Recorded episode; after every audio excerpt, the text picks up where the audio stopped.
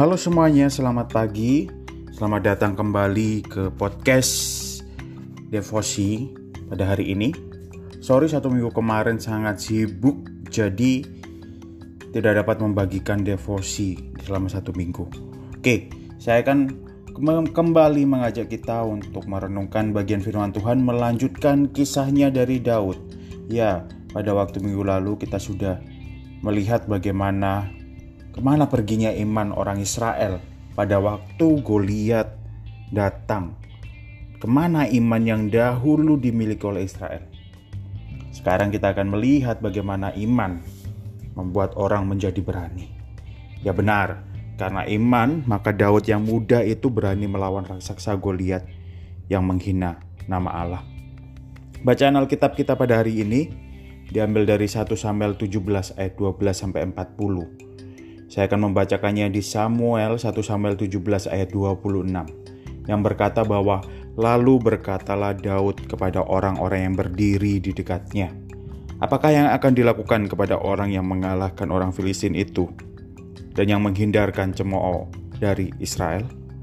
Apakah orang Filistin yang tidak bersunat ini sampai ia berani mencemooh barisan daripada Allah yang hidup? Ya, kita tahu bahwa pada saat yang genting itu Daud datang untuk menjenguk kakak-kakaknya yang menjadi anggota tentara Israel.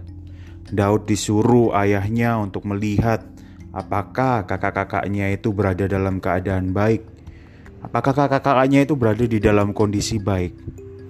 Daud juga membawa hadiah yang dititipkan ayahnya untuk diberikan kepada pemimpin pasukan.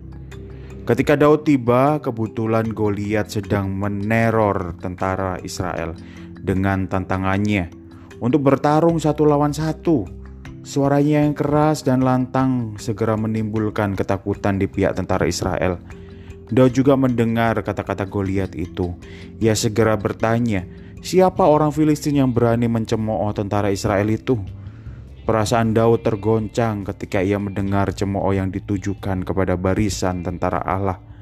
Namun perasaan yang menguasai Daud bukan ketakutan, melainkan kemarahan. Dalam hatinya Daud bertanya-tanya, apakah kejadian ini berlangsung setiap hari? Jika iya, sudah berapa lama hal ini terjadi? Tidak adakah orang yang berani menjawab tantangan orang Filistin itu? Jika raja telah menawarkan hadiah yang begitu luar biasa, mengapa orang yang tidak bersunat ini masih saja dibiarkan menghina nama Allah Israel? Beberapa orang tentara Israel langsung mengerubungi Daud. Mereka dapat melihat bahwa ada semangat yang berbeda di dalam diri Daud. Kakak tertua Daud juga ada di sana. Dengan mengejek, ia menyuruh adiknya itu pulang serta menjaga kambing domba ayahnya. Ia menuduh Daud datang ke perkemahan tentara hanya untuk melihat keramaian peperangan. Tetapi yang bergejolak di dalam hati Daud adalah sesuatu yang murni dan berasal dari Allah, sehingga Daud tidak menghiraukan ejekan kakaknya. Sebaliknya ia terus bertanya tentang Goliat dan menyatakan imannya itu bahwa Goliat dapat dikalahkan. Segera saja keributan kecil yang terjadi di perkemahan itu sampai ke telinga Saul. Raja kemudian memanggil Daud datang menghadapinya. Di hadapan Saul, Daud menyatakan kesediaannya untuk melawan Goliat. Dengan penuh perasaan, Saul menyatakan kekhawatirannya karena Daud masih sangat muda dan sama sekali tidak berpengalaman serta tidak terlatih untuk berperang. Daud menjawab Saul dengan bersaksi tentang imannya dan pengalamannya berjalan bersama Tuhan. Sebagai seorang gembala, Daud pernah membunuh singa dan juga beruang yang mencoba mengganggu domba gembalaannya. Allah yang telah menyelamatkan Daud dari cakar singa dan beruang itu akan menolong dia untuk mengalahkan Goliat. Karena Goliat telah mencemooh dan menghina nama Allah Israel. Mendengar jawaban Daud, Saul berkata, "Pergilah, Tuhan menyertai engkau." Bagi Saul, perkataan yang diucapkan ini tidak memiliki arti apa-apa.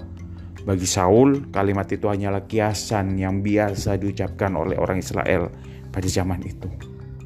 Mungkin kalimat itu sama seperti Tuhan berkati, Shalom, puji Tuhan yang sangat sering diucapkan oleh orang Kristen zaman sekarang ini sebagai suatu kebiasaan tanpa kesungguhan hati karena tidak keluar dari dalam hati.